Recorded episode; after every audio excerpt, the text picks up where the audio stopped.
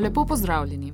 Tukaj je Ivana Novak, vi pa ste se vklopili v podkino, kjer vas bomo času primerno tokrat peljali po svetu znanstvene fantastike. V terminu Kinoteka, na sporedu v petkih na prvem programu televizije Slovenija, se namreč začenja cikl klasik znanstveno-fantastičnega filma, ki bo trajal od 23. oktobra do 20. novembra. V njem si boste med drugim lahko ogledali dela Andreja Trkovskega in Johna Carpenterja. Z menoj je Dušan Rebol, dolgoletni prevajalec in filmski kritik, njegove ocene lahko spremljate v časopisu Delo, predvsem pa kritik specializiran za družbene in politične vidike žanrskega filma. Dušan, lepo pozdravljen. Lep pozdrav. Uh, večina ljudi o pomembi znanstvene fantastike verjetno pomisli takoj na holivudske franšize, na spektakle, recimo na Vojno zvest Georgea Lucasa, pa na filme Stevena Spielberga, recimo E.T., pa Roberta Zemekisa Nazaj v prihodnost. Uh, se pravi, to so neke medplanetarne bitke, bizarne zunajzemljske civilizacije, napredna tehnologija, je pa to vendarle le delček tega bogatega žanra.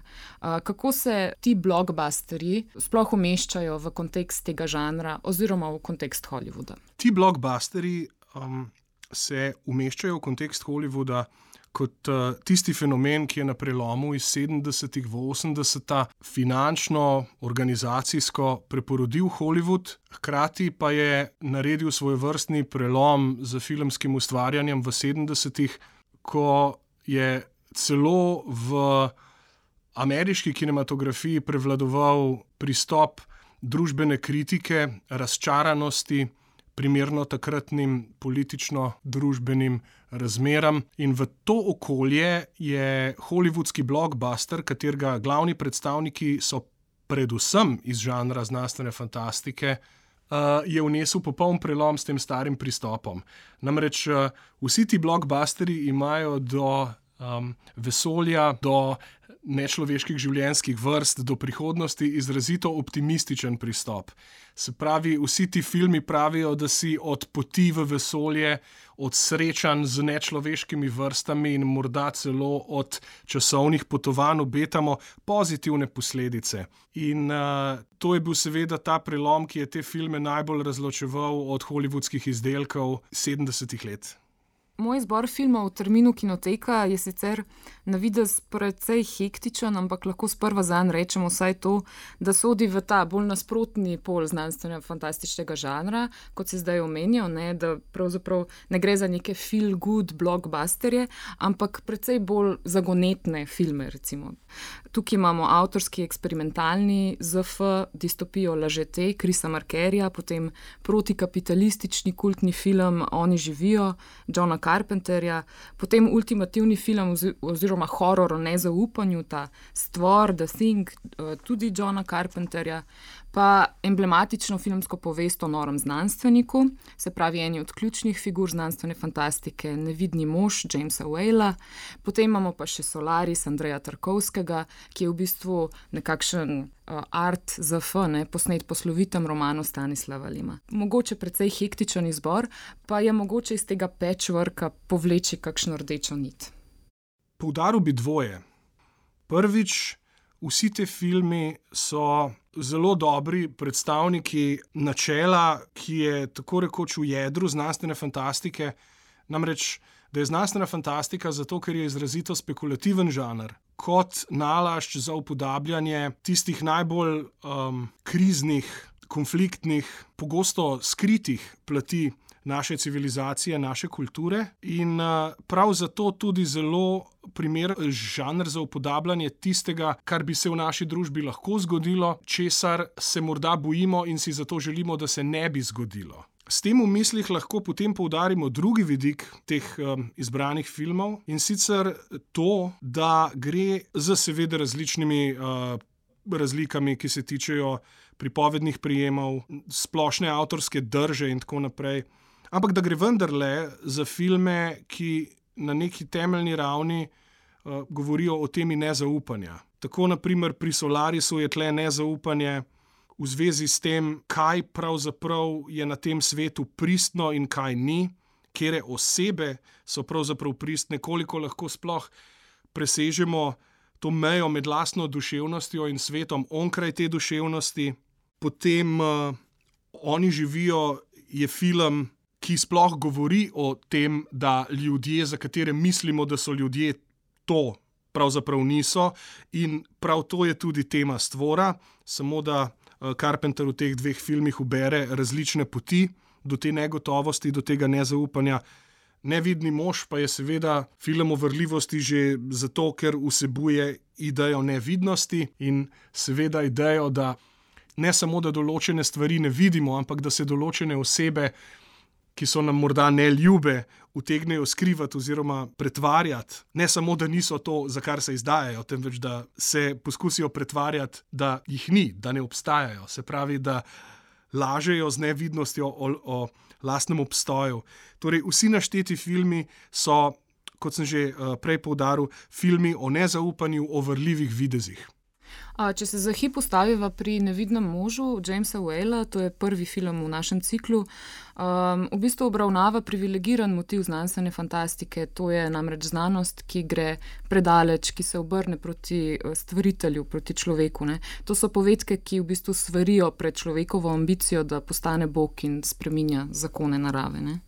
Ja, seveda, eh, nevidni mož je predstavnik eh, tiste ogromne podzvrsti znanstvene fantastike, ki govori o znanosti, ki se po nesreči. Do neke mere je to tudi stvor, saj imamo tam pravzaprav prav z raziskovanjem, z odkrivanjem še zadnjih neraziskanih kotičkov zemlje, ki se strahotno po nesreči, zato ker nekdo nekam pride in tam odkrije nekaj strahotnega ta motiv ni pravzaprav v človeškem pripovedništvu nič novega. Ne? Sej na vse zadnje, eh, že starogrška pripovedka o Prometeju govori prav o tem, da tiste, ki bi si drznili bogovom izmakniti ogen in z njim obogatiti človeško vednost, čaka kazen.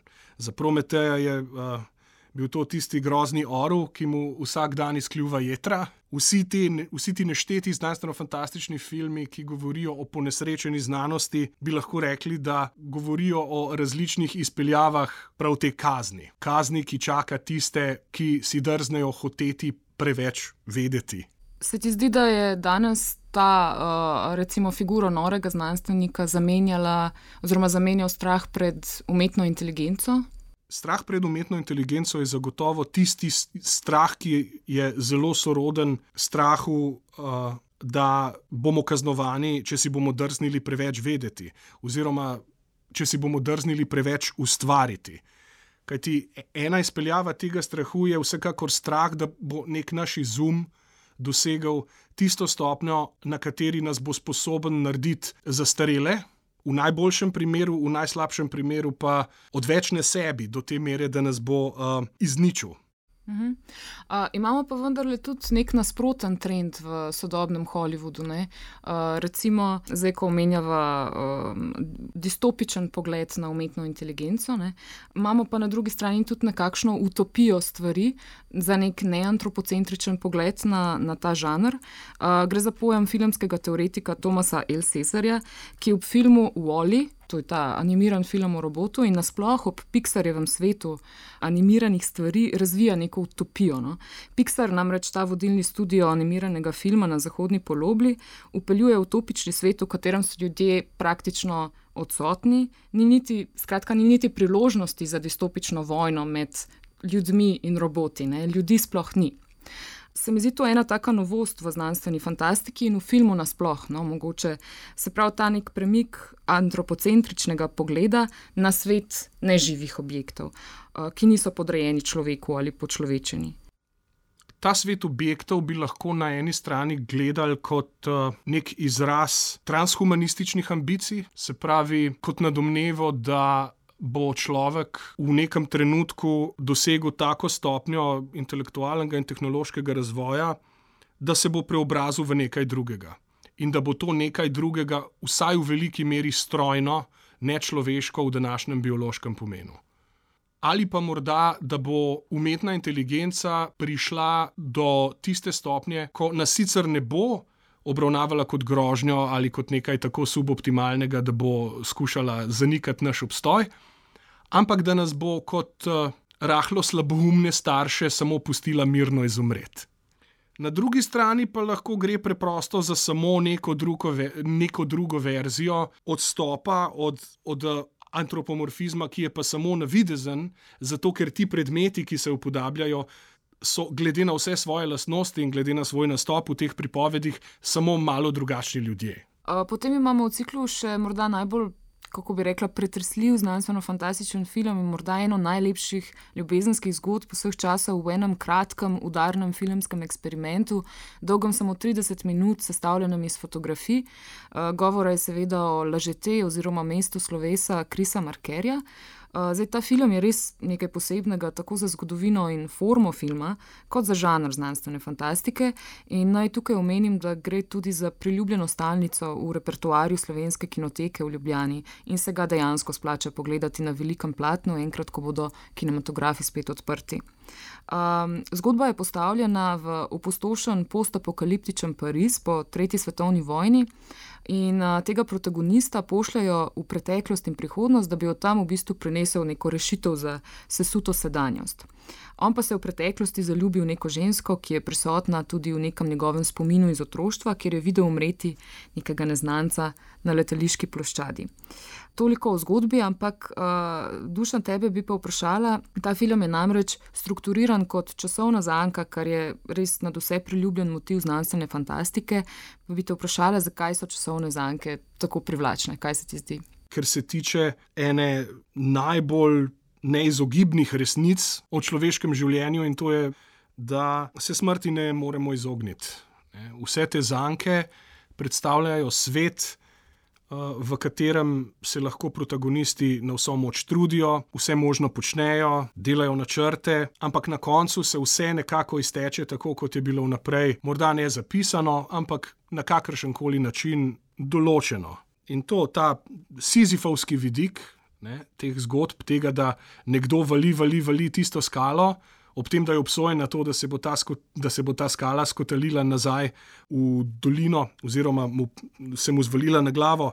Je prispodoba za to, da naša življenja, ne glede na to, kaj vsebujejo, ne, uh, so si enotna, oziroma so si podobna po, tej, po tem svojem neizogibnem koncu. In jaz mislim, da je uh, motiv časovne zanke uh, zato tako pogosto uporabljen, ker je v tako močnem sozvočju s to temeljno resnico.